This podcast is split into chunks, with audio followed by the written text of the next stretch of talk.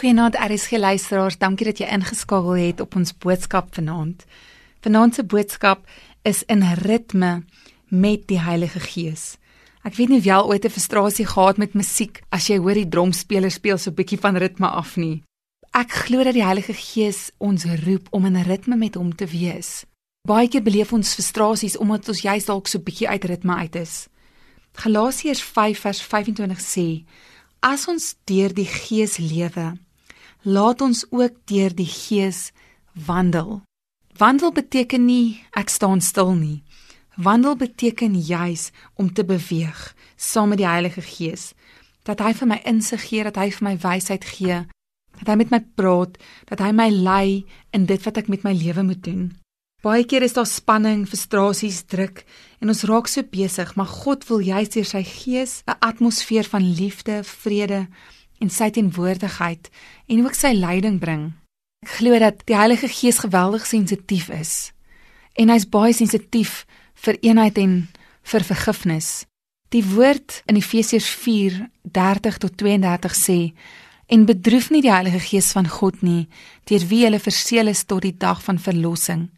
Daai eerste woord bedroef beteken om emosioneel seer te maak.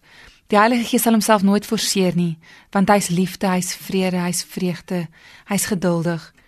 Maar dan sê dit die volgende gedeelte sê alle bitterheid en woede en toorn en geskreeu en lastering moet van julle verwyder word saam met alle boosheid.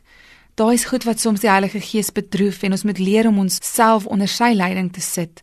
Sodra ons onsself onder ons sy leiding sit rondom bitterheid en woede en geskreeu en lastering, is dit juis dan wat ons sy vrede beleef. En dan die volgende gedeelte in daai skrif sê: "Maar wees vriendelik en vol ontferming teenoor mekaar." vergeef mekaar soos God ook in Christus julle vergewe het. Die Heilige Gees juis dit.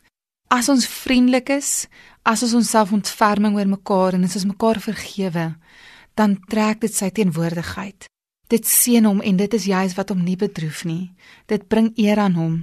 Leer om vandag in ritme met die Heilige Gees te wees en sy leiding in jou lewe toe te laat, daar waar jy is deur om nie bitterheid te toe te laat nie, maar juist te sê Vader, vandag vergewe ek.